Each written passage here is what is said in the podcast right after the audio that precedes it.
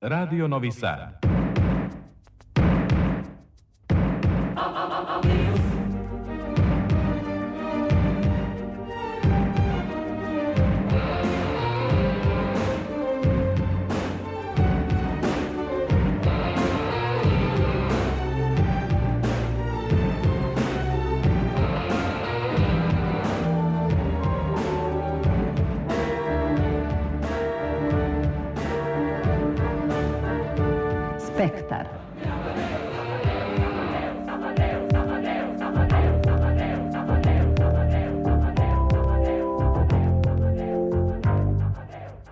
expect that.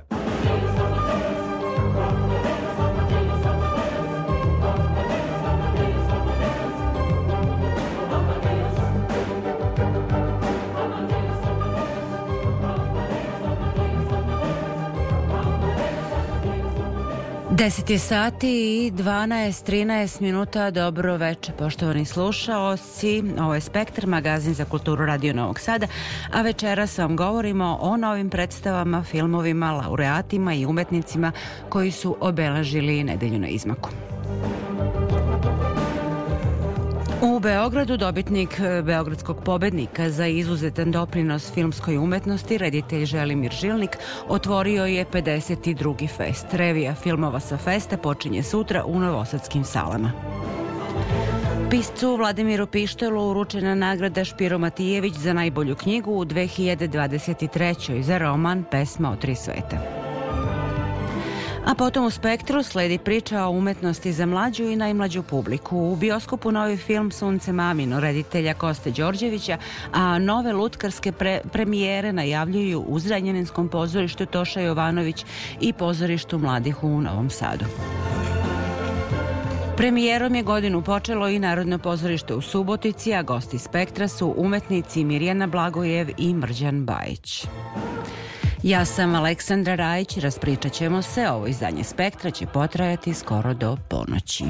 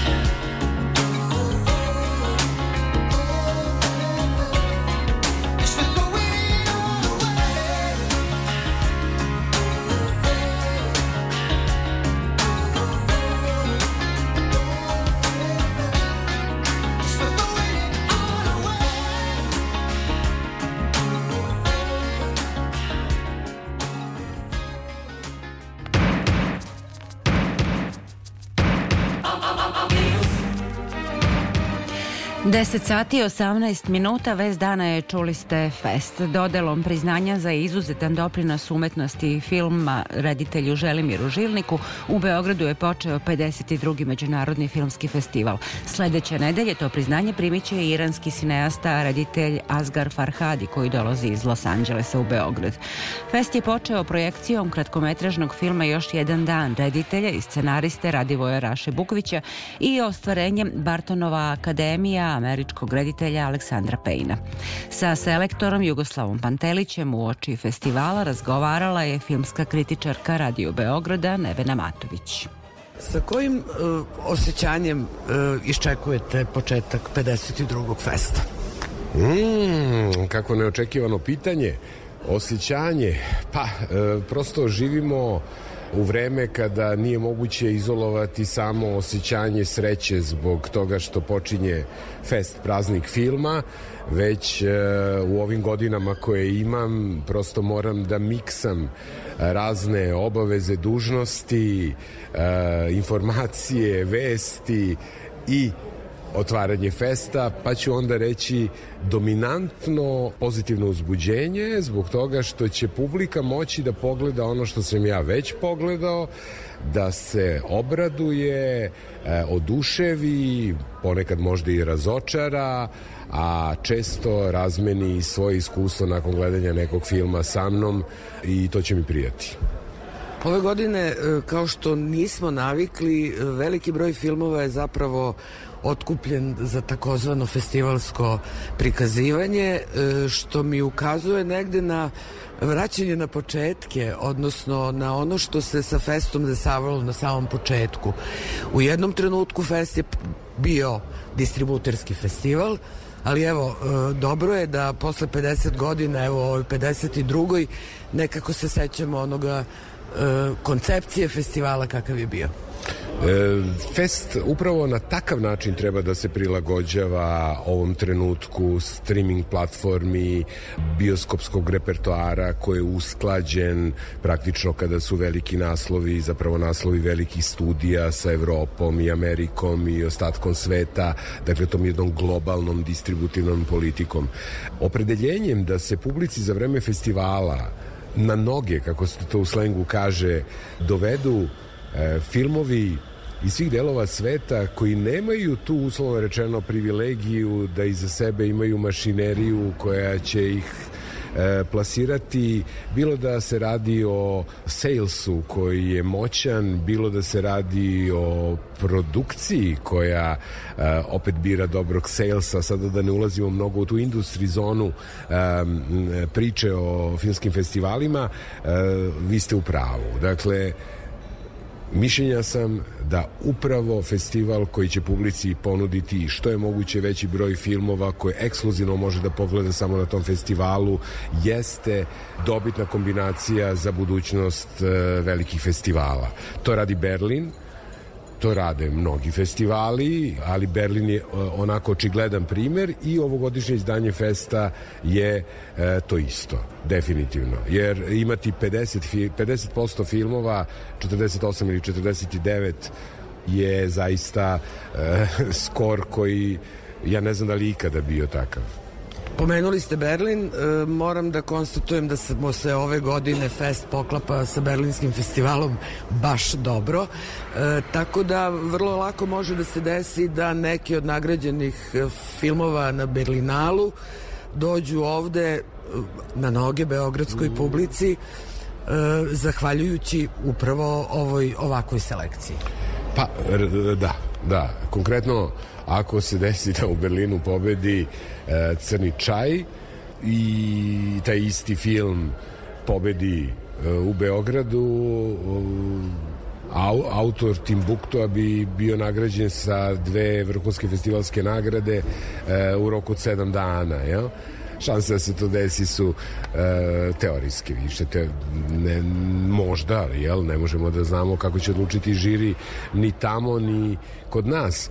Ali da e, prosto ja nisam stigao ni da pogledam celokupan program Berlina jer se poklapamo ali znam da se novi film Bruna Dimona na primer Imperija prikazuje kod njih u glavnom programu, kod nas on nije u glavnom programu, on je u Gali, prikazuje se od MTS dvorani, ali crni čaj za koji čujemo upravo da je sko, skoro rasprodat već što je meni nevjerovatna satisfakcija je film koji zaista ima mogućnost da triumfuje na jednom i na drugom festivalu što je svakako lepa stvar, da. Ovogodišnji slogan s festivala, mada nigde ni na jednom plakatu ne piše, je idi i gledaj e, po naslovu filma Elema Klimova e, čuvenog najantiratnijeg filma ikad snimljenog. Je nekako e, zapravo imam utisak kreirao i program Fokus koji se bavi onim što nikako da shvatimo a to je da e, su deca budući ljudi e, kojima treba da se bavimo ozbiljno. -hmm. Da, e, ja sam verovatno najviše vremena kada je u pitanju koncepcija programa Festa proveo upravo razmišljajući o tome da li se opredeliti da ovogodišnji fokus upravo bude usmeren ka ovoj izuzetno osetljivoj i delikatnoj temi pre svega na našim prostorima i kada sam u jednom trenutku odlučio, bit ću iskren da to ipak ne radim, taj vikend sam pogledao četiri filma i sva četiri filma, sećam se to je bila neka subota, su imala tu tematiku. Dakle, E, I onda sam shvatio da je to poruka i da nemam pravo da, da, da kažem ne, ovo je jako osetljivo i ne želim time da se bavim. Rekao sam ne, ovo je jako osetljivo i ja ću se time odgovorno baviti i siguran sam da će to javnost prihvatiti na način e, koji treba da prihvati. E, s tim što moram onda da primetim da e, to nisu problemi koje samo mi imamo, nego su to svetski problemi. Apsolutno. Problemi e, nasilja nad decom i omladinom e, su filmu su, je tematika koja nije ekskluzivno prisutna na festu u ovom programu. Dakle, i film Eileen vrlo drastično govori o tome e, koji u programu Gala, na primjer. A, ali e, ovi filmovi e, govore o e, različitim potencijalnim pa kako bih rekao, a da ne upotrebim neku grubu reč, e, različitom tretiranju te teme od vršnjačkog nasilja preko seksualnog nasilja do nasilja, na primjer, asimilacije. Tako da e, cilj je zapravo moja želja da odrasli bilo da su roditelji ili su samo u toj starosnoj dobi da mogu da zaštite e, nekog ko je nemoćan, a to je dete e, koje je njihovo koje je u komšiluku ili koje prosto vide na ulici, koji pokazuje znake da je pomoć potrebna, mogu da na osnovu iskustva koji su dobili gledanjem jednog briživo odabranog filma koji odgovorno tretira određenu temu, mogu da reaguju. Dakle, eto, to bi mi bila satisfakcija kao selektoru programa koji e, misli da prosto neka iskustva ne možemo sami da preživimo da bi naučili neka iskustva tuđa treba da prihvatimo kao svoja kako bi izbegli da se nađemo u toj situaciji. A odgovorno tretirana tema umetnosti koja je ozbiljna i koja sublimira sve umetnosti kao što je film, pa je samim tim i najdostupnija, je zaista nešto na šta treba da računamo i kada su ovakve ozbiljne stvari u pitanju. I evo da završimo ovim ekskluzivitetom koji smo čuli danas na konferenciji za novinare, da se fest na doduše na mala vrata vraća u jedan deo renoviranog centra Sava. Da, to su projekcije filmova koji sasvim sigurno izazivaju neću pogrešiti ako kažem najveće interesovanje publike od All of Us Strangers do uh, filmova koji su nominovani za Oscara uh, kao što su uh, Anatomija pada, odnosno Zona interesa.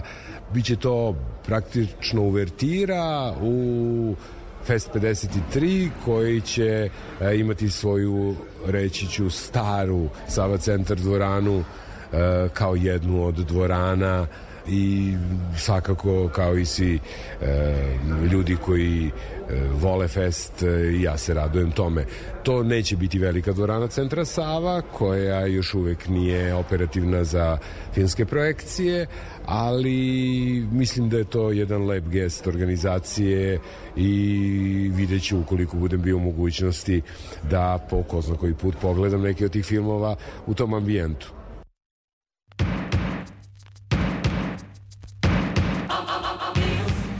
Sutra je u Novom Sadu u bioskopu Arena Cineplex počinje revija filmova sa festa i to novosadskom premijerom filma Još jedan dan Raše Bukvića sa Mirom Banjac u glavnoj ulozi koja će i pozdraviti novosadsku publiku. Evo što je zabeležila Ivana Maletin-Ćorilić. Još jedan dan, rediteljski je i scenaristički prvenac Raše Bukvića, posvećen njegovoj baki i obojen sećanjima na njegovo detinstvo. Mira Banjac je bila jedini i nezaobilazni izbor. Od njenog da je zavisilo da li ćemo uopšte da krenemo u produkciju ili ne. Naravno, postojale su ideje B, C i D, ali obzirom da se radi o petoj najstarijoj glumici, živoj glumici na svetu, e, nismo mogli da zaobiđemo, e, da prvo nju pitamo i prvo nju zamolimo. Nakon tog kratkometražnog filma, novosadska publika će moći da pogleda novo ostvarenje reditelja Aleksandera Pejna, Bartonovu akademiju, koje konkuriše za Oscara u nekoliko glavnih kategorija, kao što su za najbolji film, originalni scenario i glavnu mušku ulogu. U bioskopu Arena Cineplex biće prikazano 20 naslova iz 10 zemalja, među kojima su nagrađivani filmovi na najprestižnijim evropskim festivalima i kandidati za Oscara. Za vreme festa biće organizovane još tri svečane novosadske premijere domaćih ostvarenja, Jorgovana Siniše Cvetića u sredu, za danas toliko Marka Đorđevića u subotu, dok će program u Novom Sadu 4. marta zatvoriti poslednji film Žarka Lauševića, Ruski konzul u režiji Miroslava Lekića.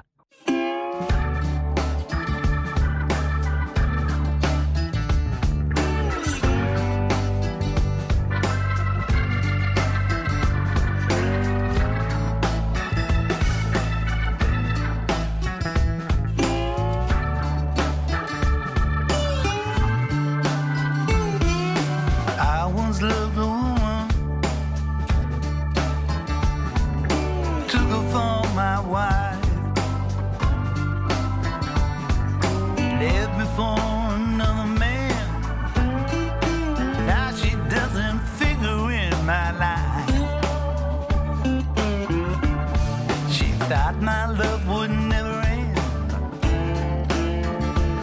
She needs to feel control.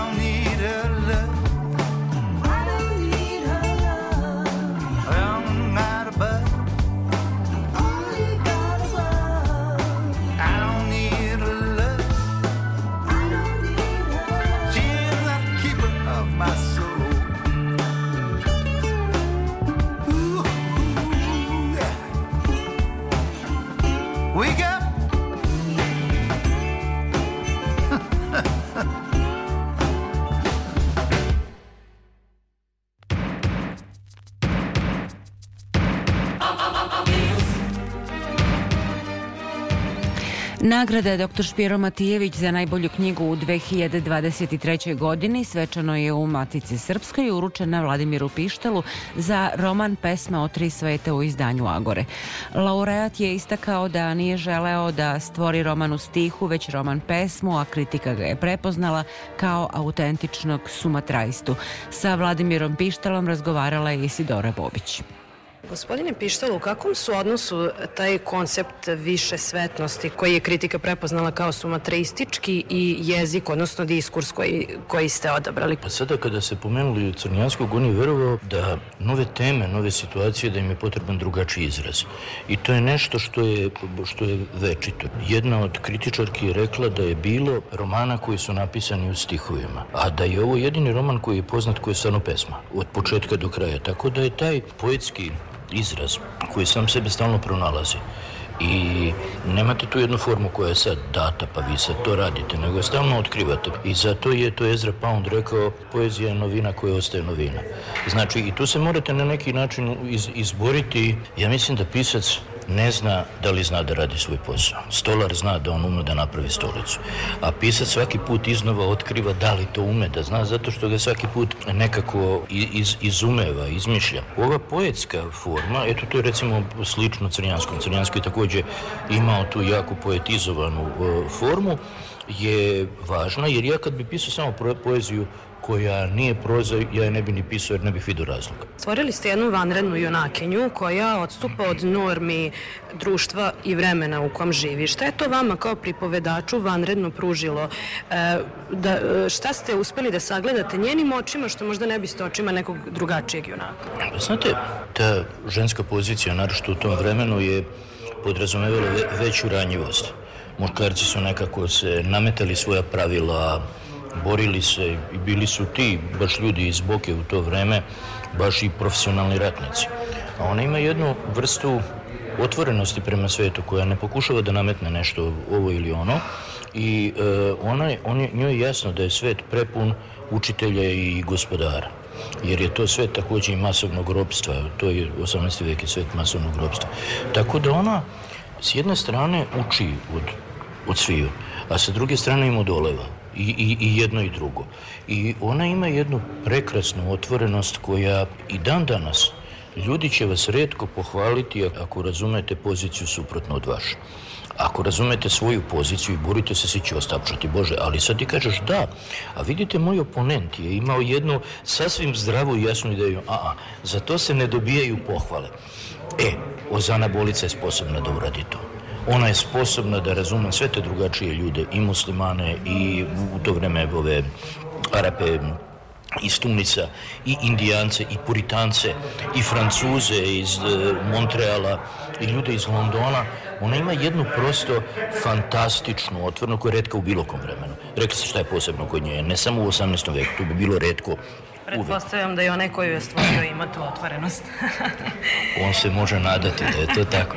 Tako da je to, da je to ta stvar koja nju zaista čini vanrednom, jer ja kažem, mnogo je ljudi koji su hrabri da ubiju, a kukavica da misle. E, ona je u tom smislu pravi heroj.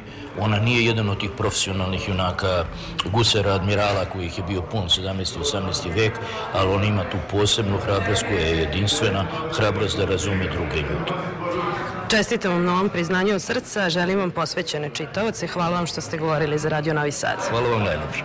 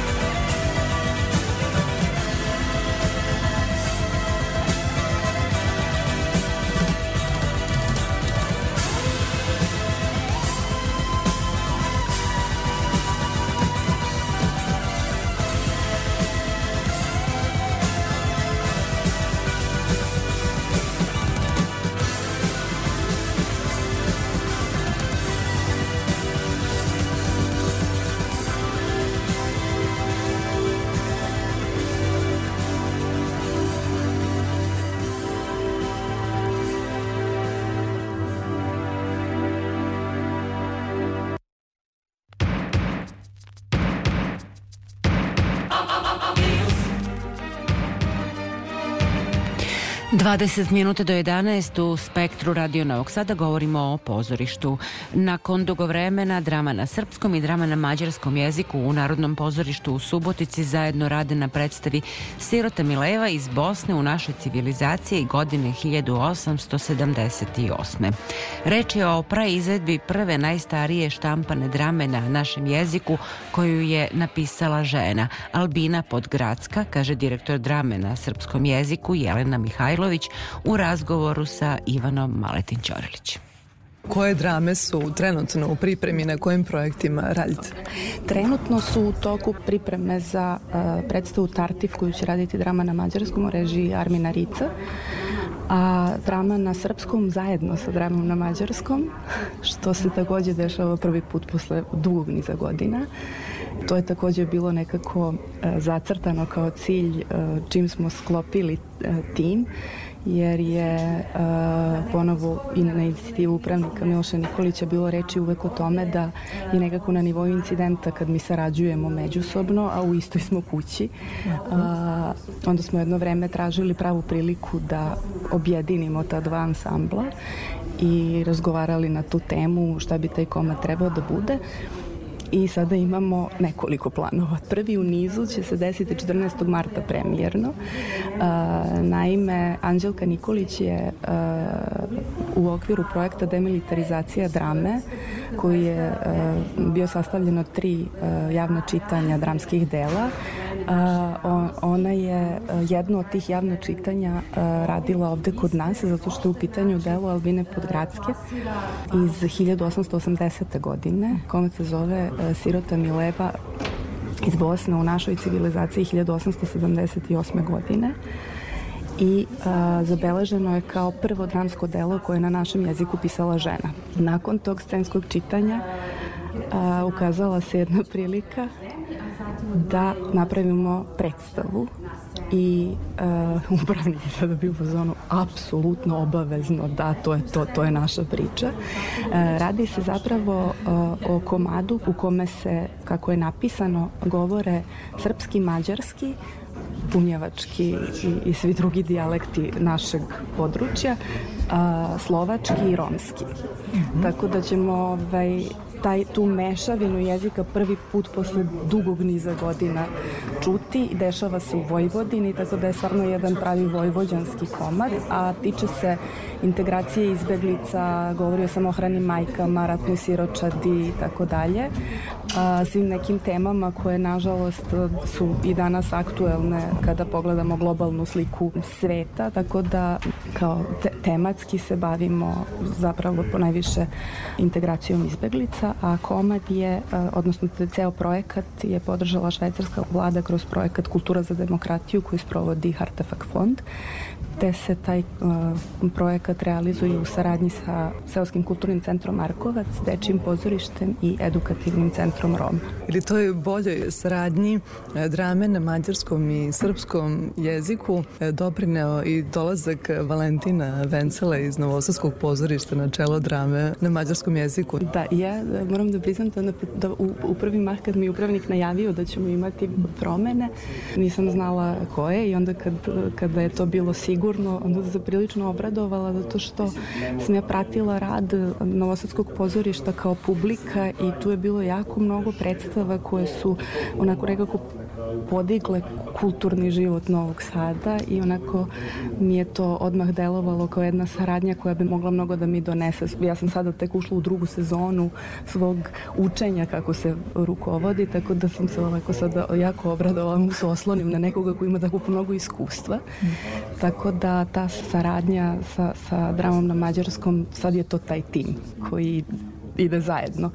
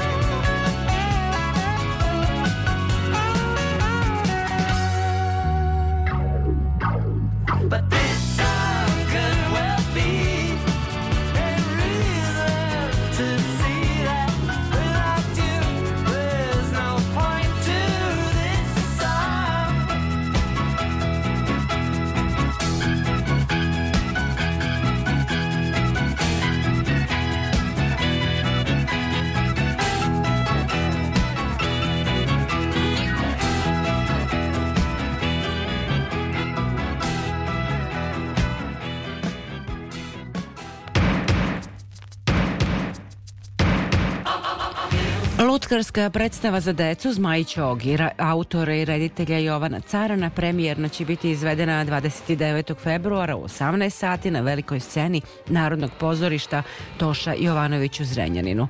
Komad je stvaran pod uticajem savremenih trendova, iako se i dalje drži svih pravila iz sveta bajke, kaže Jovan Caran u razgovoru sa Isidorom Bobić. Hteli ste jedan klasičan bajkoliki svet da spojite sa savremenim tendencijama u lutkarstvu. Šta je to što osavremenjuje jednu bajku u svetu lutkarskog pozorišta? To savremeno po meni treba da se nadovezuje na sve one prethodne pronalaske u, u lutkarstvu. Znači, negiram to da neko iz malog mozga izvadi nešto i da je sad, da to proglasi savremenim. Znači, mi krećemo od jako čvrstih temelja kao što je cela predistorija lutkarstva i e, što je još najzanimljivije i predistorija bajki, one esencijalne bajkovite vrednosti koje hiljadama i hiljadama godina opčinjavaju i mališane i, i odrasle kad govorimo o tim nekim primatima i u bajici i u, u lutkarstvu, šta bi to konkretno bilo, evo sad za slušalce? Ovo što mi sad ovde radimo je jedan prilično težak zadatak, jer je e, plan bio da napravimo predstavu za decu od tri godine pa nadalje. Zadatak je da deca trogodišnjaci mogu da apsorbuju predstavu, da je razumeju, a da ne bude dosadna ni roditeljima ili bilo ko, e, kim ko, ko će da ih e, do, dovede na predstavu. I još jedan zadatak je vezan naravno sa tim, je to da ta predstava mora da bude prilagođena njihovom uzrastu. Pa, ako napravimo jednu analogiju, deca koja dolaze u pozorište sigurno imaju nekoga koji im je pre toga čitao one knjižice Šarene sa svim tim slikovnicama, sa kratkim e, epizodama, pričicama i tako. Pa smo mi napravili tu jednu analogiju da, da to bude lagodan prelaz između tih bajkolikih knjiga i pozorišne predstave. Čitava e, predstava je zamišljena kao da se dešava u nekim knjigama. Pa kad recimo e, naš taj glavni lik želi da nađe e, mamu, on ode u knjigu o zmajevima gde živi njegova mama i sve te takve epizode. Tako da smo mi to, da kažemo, pretopili to iskustvo njihovo rano sa, sa knjigama i, i slikovnicama i prvo iskustvo u, u pozorištu, jer ako ih sad odbijemo, onda smo izgubili publiku. Dakle, formu ste prilagodili uzrastima svim za koje ste namenili predstavu, a kad je reč o temi, koja je to tema koja okupira i trogodišnjake i naravno ne, ne moramo da ulazimo u tančine da otkrivamo predstavu, ali šta bi bila neka glavna tema? Pa glavna tema je nedostatak. Kao što je u svim bajkama inicijalna opruga nedostatak. Car ukradu zlatne jabuke, zmaj ukrade princezu, onda heroj junak mora da ode tamo i tamo, da sve to izreguliše i onda se vrati kao nekakav pobednik. Otprilike to je ta najosnovnija forma koju smo mi e, koristili, znači ta bajkovna forma i e, onda smo i mi nešto slično napravili da se u onom što kažu početnom, običnom okruženju dogodi nešto neobično, da se rodi iz jajeta nešto sasvim drugačije, očekuju pile, očekuju sve drugo, ali ne očekuju zmajče.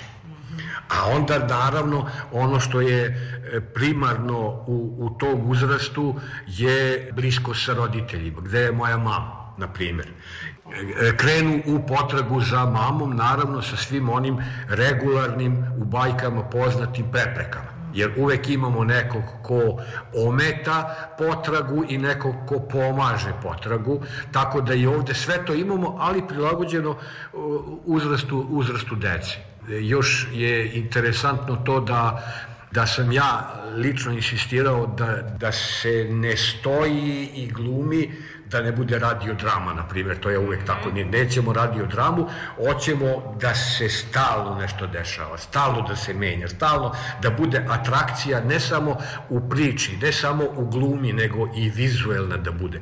Što se vizuelne tiče atrakcije, imamo i lepu scenografiju i bit će i verovatno i, i, zanimljiva, e, dobro napisana muzika, zvučni efekti, tako da će e, sva čula e, tih malih gledalaca biti napregnuta, da ne kažem zadovoljena, ovaj, ali verovatno e, delovaćemo na sva njihova čula. Da li imate utisak da s vremenom postaje sve zahtevnije praviti lutkarske predstave s obzirom na to da generacije stasavaju s tehnologiju? Jedan zagrljaj ne može da zameni nikakve robote. A mi se ovde trudimo da zagrlimo tu decu mislim, naj, najmetaforičnije kazano. Mi smo imali tu jednu predstavu Malu ružu koja, koja nikakve tehnologije nema, ali iz koje deca izlaze onako kao opijena od, od, od neke miline, od nečeg. To, taj direktan kontakt ne može da zameni nikakva žica i nikakvi led diodice i, i nikakvi laseri. Kažu da su deca veoma zahtevna publika jer ih ne možete slagati. E, ovako, to kažu oni foliranti. Decu, ne, ne, decu najlakše možete slagati, ali je nama zadatak da to ne uradimo. Gledam ja recimo i druge tu, pogotovo te što baš nisu, da kažemo, iz oficijalnih pozorišta. Ono je po principu, ajmo ručice gore, sad vičice na ovog, sad, sad tapšite ovde i onde i deca zadovoljna, a onda taj što je to, kazu, decu ne možeš prevariti, pa decu si prevario, sad neće da dođu, neće više da, da prate i razumeju ono što bi mogli da podvedemo pod nekakav e, zaista kulturni događaj. Želim vam uspešnu premijeru. Ja se I... nadam da nas niko neće tući posle predstave. Srećno i hvala vam mnogo što ste govorili za Radio Novi Sad. Hvala i vama što ste pristali da me slušate.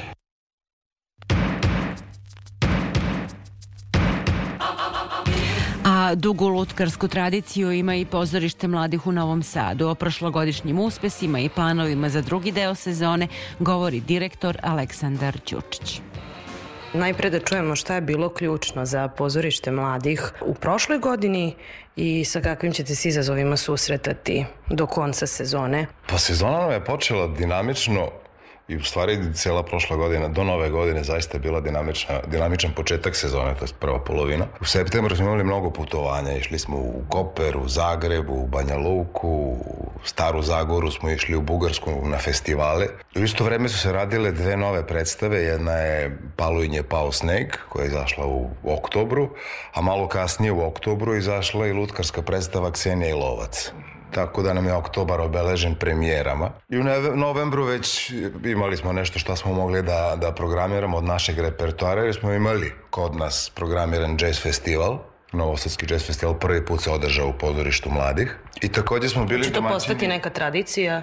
Pa ne znam, vidjet ćemo. Sad to zavisi i od njih i od CNP, pošto Srpsko narodno nije bilo u stanju da ih ugosti, jer su oni imali opet premijere. I od njih malo zavisi. Ne samo, ne samo od nas. Dobrodošli su uvek. I odmah nakon toga bili smo domaćini Svetskom kongresu Asiteža, Svetska asocijacija za pozorište za mlade, koji Svetski kongres održao u Beogradu, ali tako su organizovali pošto je Beograd komplikovan za, i zbog scena i zbog svega, pa su uspeli između Beograda i Novog Sada, tako da se jedan deo programa izvodio i u pozorištu mladih. To je bio toliko bogat program da, da čak ja nisam uspeo da, da, da sažmem šta sve ima, a niti sam mogao da ispratim čak i u Novom Sadu, ali sam uspeo da ispratim samo ovo što je bilo u pozorištu. Ono pre podne sam zauzet u kancelariji, onda šta je posle podne, gledam šta je u pozorištu, ali ne možeš postići sve.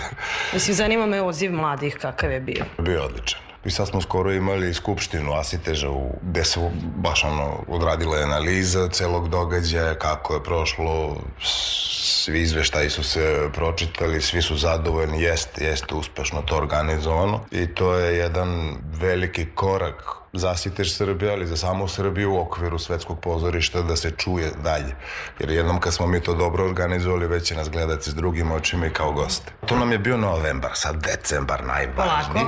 Decembar smo radili toliko mnogo predstava, nagurali smo sve moguće i nemoguće i samo u decembru kroz pozorište je prošlo preko 20.000 gledalaca. I to nam je baš onako ponos. Što govorimo o pozorištu mladih, da li zaista imate utisak da je to pozorište mladih, da su oni jedna zainteresovana, aktivna publika koja voli pozorište? Pozorište mladih kao takvo u stvari sa svoje dve scene pokriva publiku od bukvalno od 3 do 103 godine. Imamo lutkarske predstave za malu scenu, imamo za veliku scenu, dramske predstave za malu, za veliku. Imamo predstave i za srednjoškolce, takođe. I sad što ćemo raditi ove godine, ove sezone, što će biti prva premijera ove sezone, to će biti Seks za početnike u, u režiji Jane Maričić po knjizi Jasminke Petrović. To će baš obuhvatiti taj jedan najnezgodniji period od 10, 11, 12 godina kad su već dovoljno porasli da bi išli u pozorište koje je namenjeno deci od 3 do 5 na primer. A opet su teme koje ih interesuju i jeste i knjiga, a i predstava će biti obrazovnog karaktera i za razgovore, otvorene i za razgovore, čak ako i to budemo imali mogućnost, to bi bilo odlično da imamo razgovore sa decom, jer danas sa ovim telefonima nešto smo svi postali toliko asocijalni, ne razgovor, ne komuniciramo oči u oči, već sve preko telefona, informacije koje su svakakve dostupne preko telefona. Čak i mi odrasli ne umemo da ih obradimo, a kamoli nekog sa manje iskustva. I usput već je počeo sa radom reditelj iz Rusije Konstantin Muhanov za njegovu predstavu Olovni vojnik. Sad radimo radionice, muzičke, koreografske i sa glumcima u tri etape i onda će se napraviti jedna pauza dok se rade lutke, dok se izradi scenografija i se uklapa da posle našeg festivala u maju počnu probe i nadamo se do kraja sezone da će biti premijera.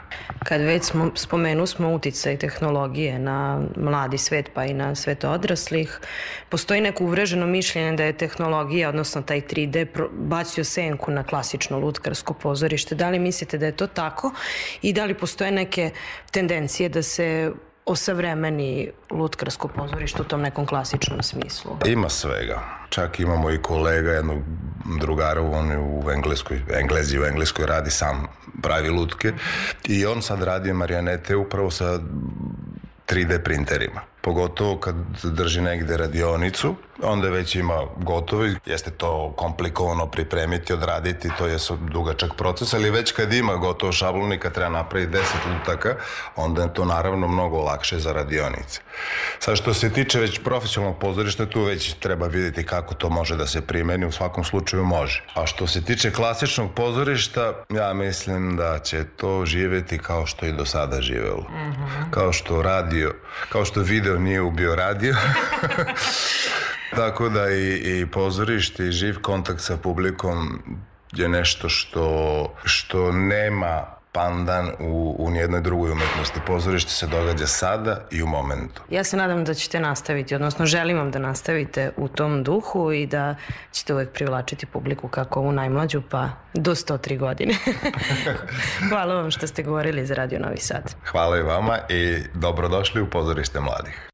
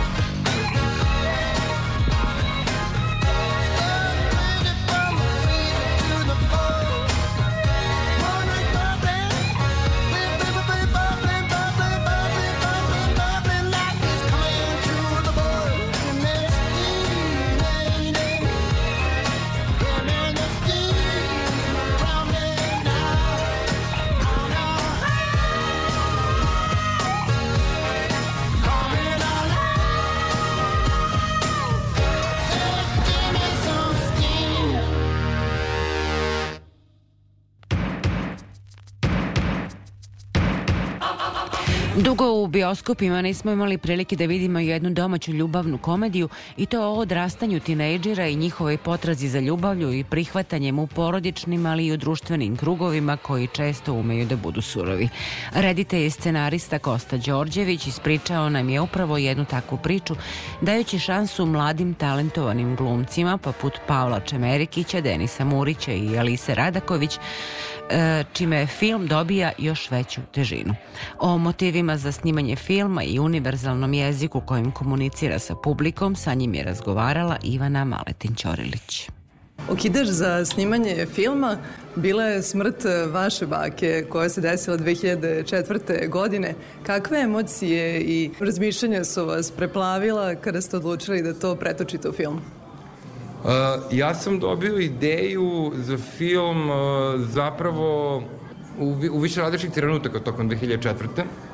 Zapravo prva ideja da bi to moglo da bude film je bilo kad sam gledao pogrešan prozor. Mm -hmm. Tako da se to meni desilo. Mada možda ovo je spoiler. Da, ajde ovako, da krenemo od početka. Dakle, što se tiče porodične priče, uh, 2004. kada mi je preminula baka, imao sam vrlo jedan intiman razgovor sa majkom uh, i o njenom odnosu sa svojom majkom, sa mojom bakom. Tada sam shvatio zapravo koliko, koliko meri se preslikava njen odnos na naš odnos i u koliko meri utiče taj odnos na naš odnos i u koliko meri sam ja određen zapravo odnosima svojih predaka. I onda sam zapravo počeo da razmišljam o tom sukobu generacija i kako nekako moraš da prepoznaš uh, teret svojih roditelja da bi mogao da se nosi, nosiš sa svojim teretom i da bi mogao da, da napraviš neki napredak u životu. To je bila životna ideja, više nego ideja za film. Tokom godina sam ja zapravo e, došao do toga što bi mogao da bude zaplet, kako bih uopšte mogao da koncipiram ceo film.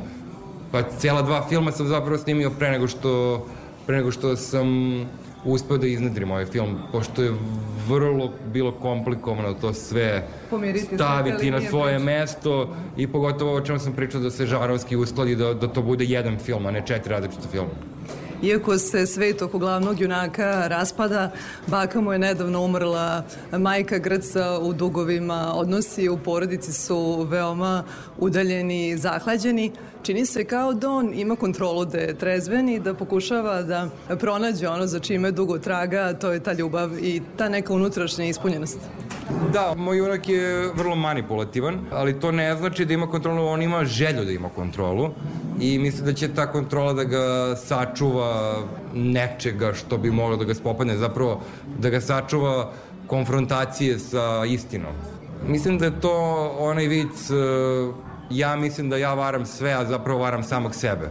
I to je, to je ono što junak radi sve vreme. On sve vreme vara druge, ne shvatajući da zapravo je na kraju prevario sebe. Ili tim izmeštanjem radnje sa ulica na krovove dajete i tom glavnom junaku i priči drugu vizuru, drugu perspektivu?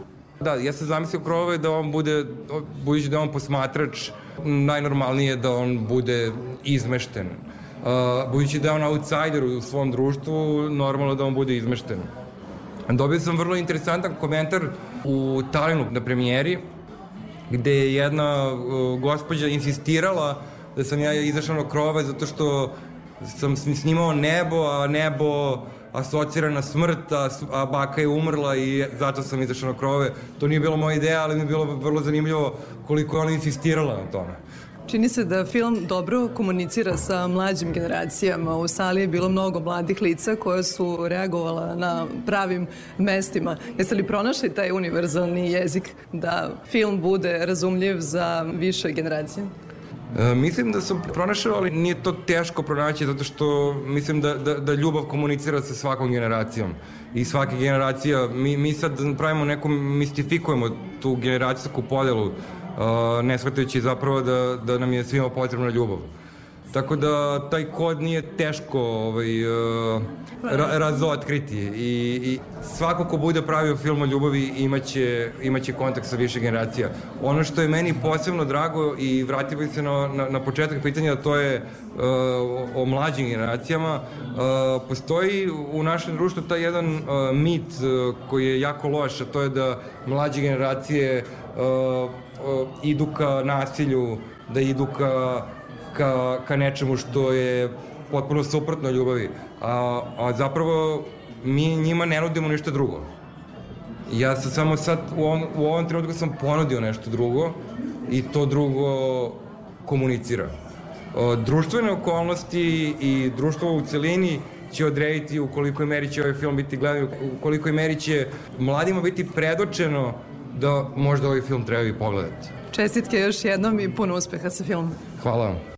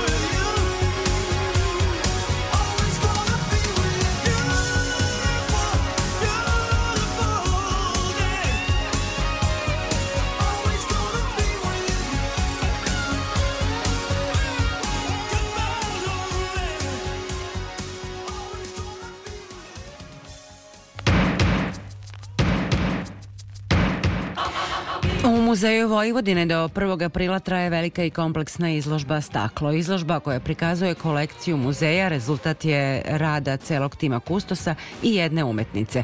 Mirjana Blagojev je umetnica i profesorka na Novosadskoj akademiji umetnosti, među malobrojnim je stvaraocima koji rade u tom materijalu. Njena izložba segment je muzejske postavke i savremeno tumačenje stakla kod nas. Razgovarali smo sa njom o lepoti, poetici i složenosti rada u staklu. Izložba u Muzeju Vojvodine pokazuje kakvi su sve estetski, kulturni, etnički obrazci ugrađeni u jednu priču o tehnologiji i obradi stakla. Vi se primarno bavite u svom umetničkom radu tim materijalom. Jeste li na ovoj izložbi koja je zaista iscrpna, pokazuje kolekciju Muzeja Vojvodine, imali neku inspiraciju?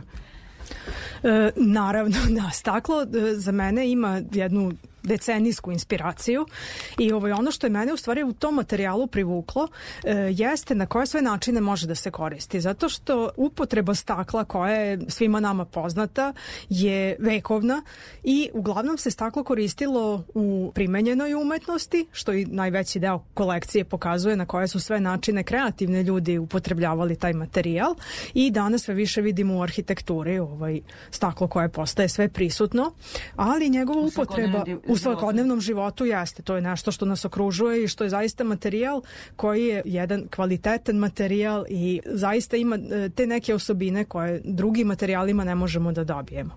I to su ljudi ovaj decenijama sagledavali.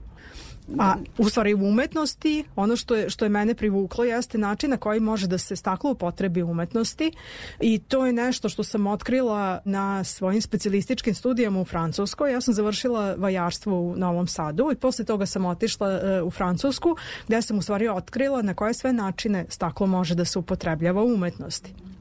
I to je bila neka prelomna tačka e, gde sam ja upisala, ostala tamo da bi što bolje upoznala ovaj, taj materijal i mogućnosti koje on, on nudi.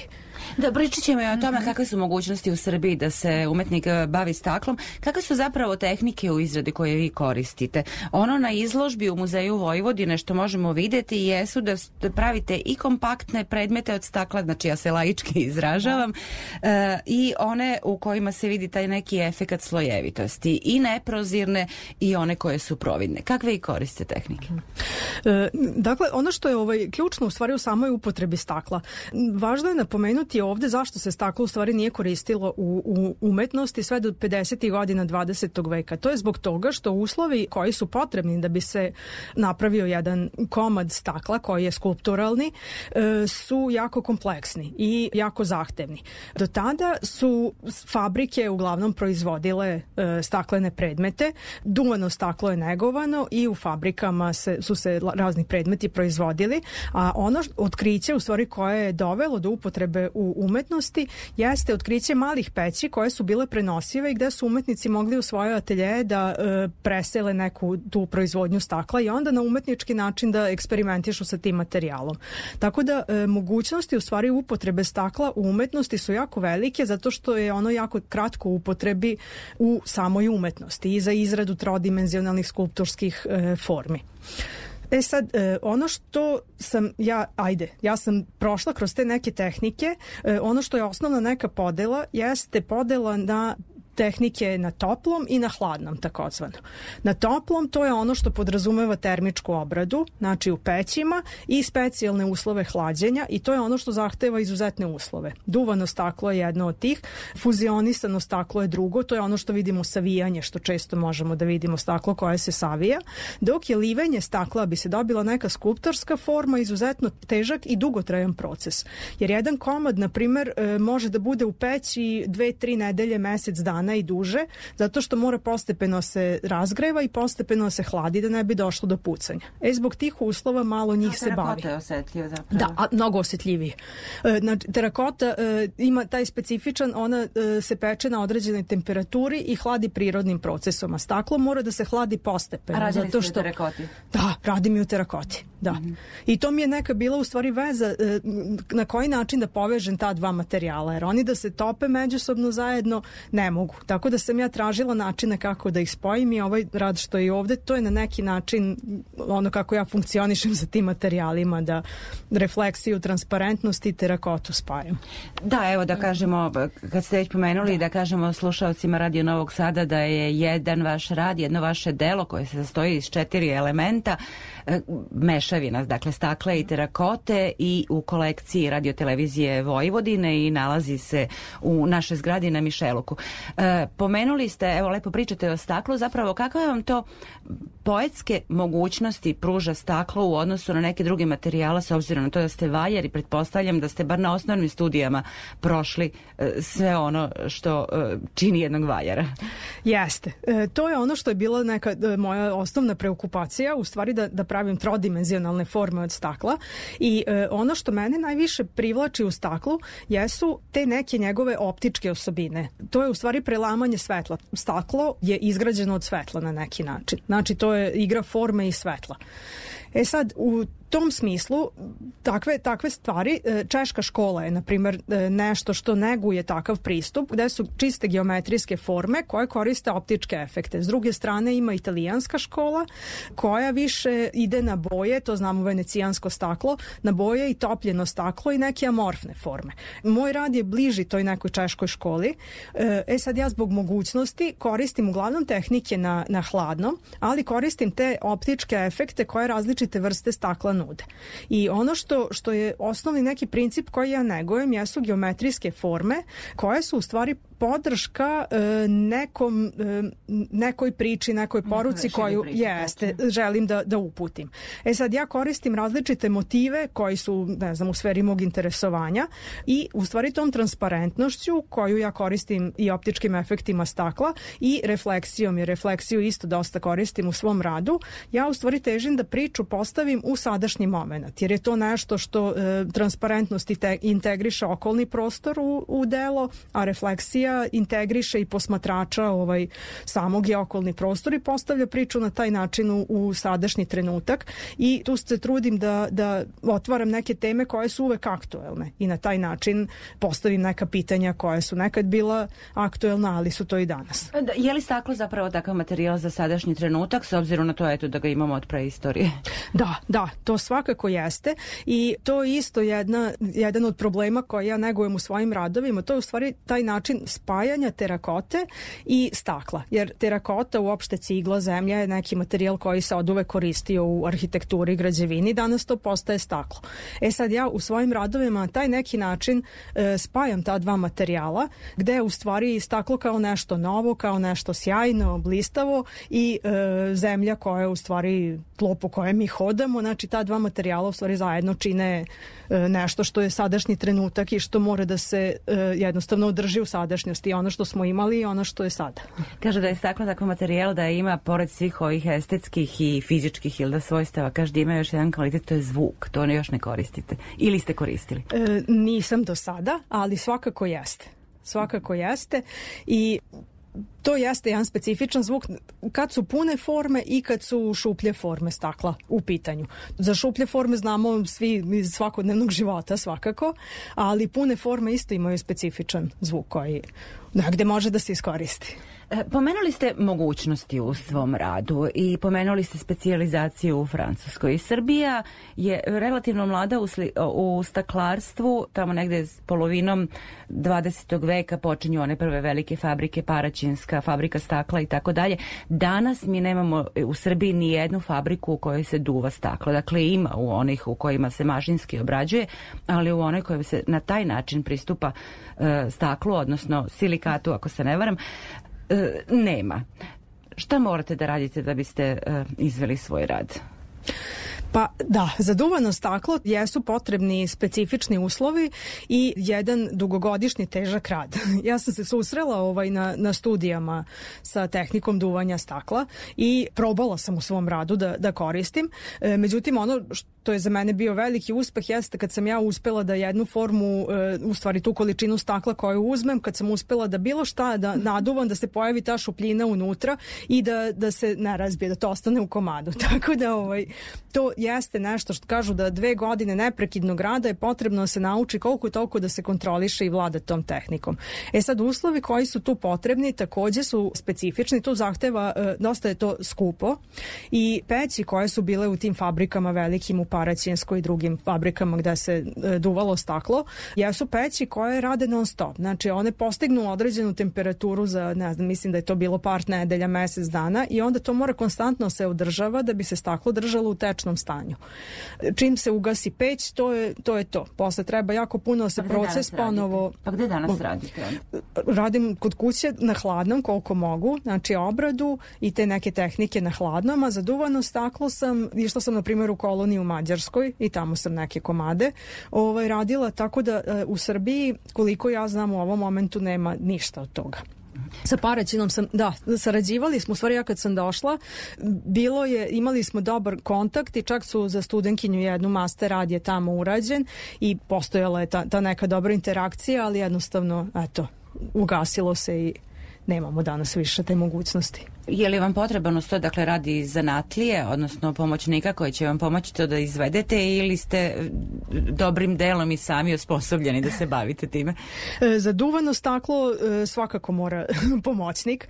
To je u tim kolonijama koje se organizuju. Ima jedan duvač stakla koji je iskusan duvač stakla i koji zna sve mogućnosti, a e, umetnici u stvari, ajde, dolaze sa, sa nekim nacrtima i onda se zajednički razvije u stvari. To bih voljela da da spomenem, praksa je jedna dobra koju sam u Francuskoj videla, na koji način funkcioniše u, ovaj, fabrike koje su tamo stakla i umetnici. Oni imaju, e, odaberu dva, tri umetnika koji borave u fabrici, na primer, e, mesec dana i dolaze sa nacrtima. I sad radnici koji rade u fabrici, koji su eksperti, zaista zanatlije ovaj, na tom polju jako dobre, e, ali koji celog života rade samo to, susretnu se s umetnicima koji dođu sa svojim idejama. I onda, u, u stvari, u zajedničkom radu oni razvijaju komade koji su zaista fascinantni, jer umetnik to nikad sam ne bi mogao izvesti, a radnici verovatno e, nikad im ne bi palo na pamet da, da, da, da, tako da, da e, u stvari ta, ta neka sinergija umetnosti i tih fabričkih delatnosti jako dobro funkcioniše. I sad ako sam vas dobro shvatila, neki umetnički centri stakla danas u Evropi su, evo pomenuli ste Francuska, Italija, Mađarska, Češka, kako Srbija stoji, da li se recimo mlađa neka generacija opredeljuje za staklo kao materijal umetnosti? Pa moram da kažem slabo. Čak i u, i u tim e, zemljama gde staklo ima mnogo jaču tradiciju, ovaj, nažalost polako se te fabrike gase. Ovaj, ja sam za, u toku doktorskog istraživanja bila tri meseca u Pragu boravila da bi radila s profesorom e, koji radi staklo na sličan način kako ja to primenjujem. Tamo su fabrike opstale i to još uvek ide. U Slovačkoj gde je isto bilo dosta e, fabrika, mislim da su rekli da su jedna ili dve ostale. Tako da, nažalost, nažalost e, dosta i tih velikih fabrika se gasi i ta neka vrsta proizvodnje manuelne e, danas mislim da, da ne može da postigne tu cenu kolika su ulaganja. Što se tiče Srbije, ne vidim baš neku svetlu perspektivu. Ja se, na primjer, trudim sa studentima da ih upoznam bar s tim šta, šta su neke mogućnosti, šta može da probaju neke stvari koje mogu ovde da probaju, pa ako se neko zainteresuje, onda je jedina mogućnost da ode negde i da to usavršava. I naravno, evo za kraj da vas pitam, da li vi pored ove izložbe u muzeju Vojvodina nešto pripremate? Pretpostavljam da je jedan od glavnih problema transport vaših radova. Da, to je ovaj, jeste jako veliki problem i ja sam u par navrata i sama sebe zapitala zašto meni ovo treba. Kad, ovaj, naročito kad, na primjer, u inostranstvu treba neka izložba da bude. Kad sam uh, učestvovala na Bijenalu stakla u Strasburu, to je čitav projekat bio e, transportovati radove tamo. Ono što jeste u nekoj perspektivi jeste da uh, ono najbolji način na koji može da se sa staklom radi jesu te te neke kolonije, rezidencije na, gde na licu mesta može da se uradi rad ili pravac neki u kom ja idem jesu e, manji komadi koji u interakciji sa veštačkim svetlom koje ja takođe uvodim u svoj rad e, mogu da okupiraju čitav prostor. Tako da to je onaj u stvari jedan od kvaliteta koje staklo nudi da iz malog komada možemo da, da dobijemo pomoću efekata stakla, e, okupaciju prostora i to je nešto, ajde, pravac neki u kom idem i na taj način mogu da izlažem i da, i da putujem sa tim komadima. A krhotine, šta sa krhotinama? Pretpostavljam da ih ima dosta u vašem radu, da li i njih nekako možete sažeti u neku misao? Bilo je pokušaja, ali nisu još baš potpuno našle, tako da čekaju još uvek pravo mesto neko. Ništa, hvala vam na razgovoru, želim vam što manje krhotine. Hvala i vama.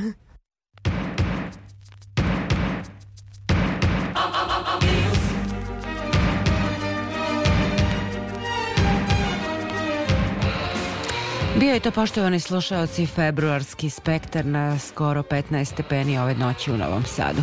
Realizovali su ga muzički urednik Zoran Gajinov, tonska realizacija Daniel Stojanović, ja sam Aleksandra Rajić. Podsećam vas da nas možete pratiti i na odloženom slušanju na sajtu rtv.rs i pozivam da se ponovo čujemo sledećeg petka, 1. martovskog dana. Prijetno vam noć.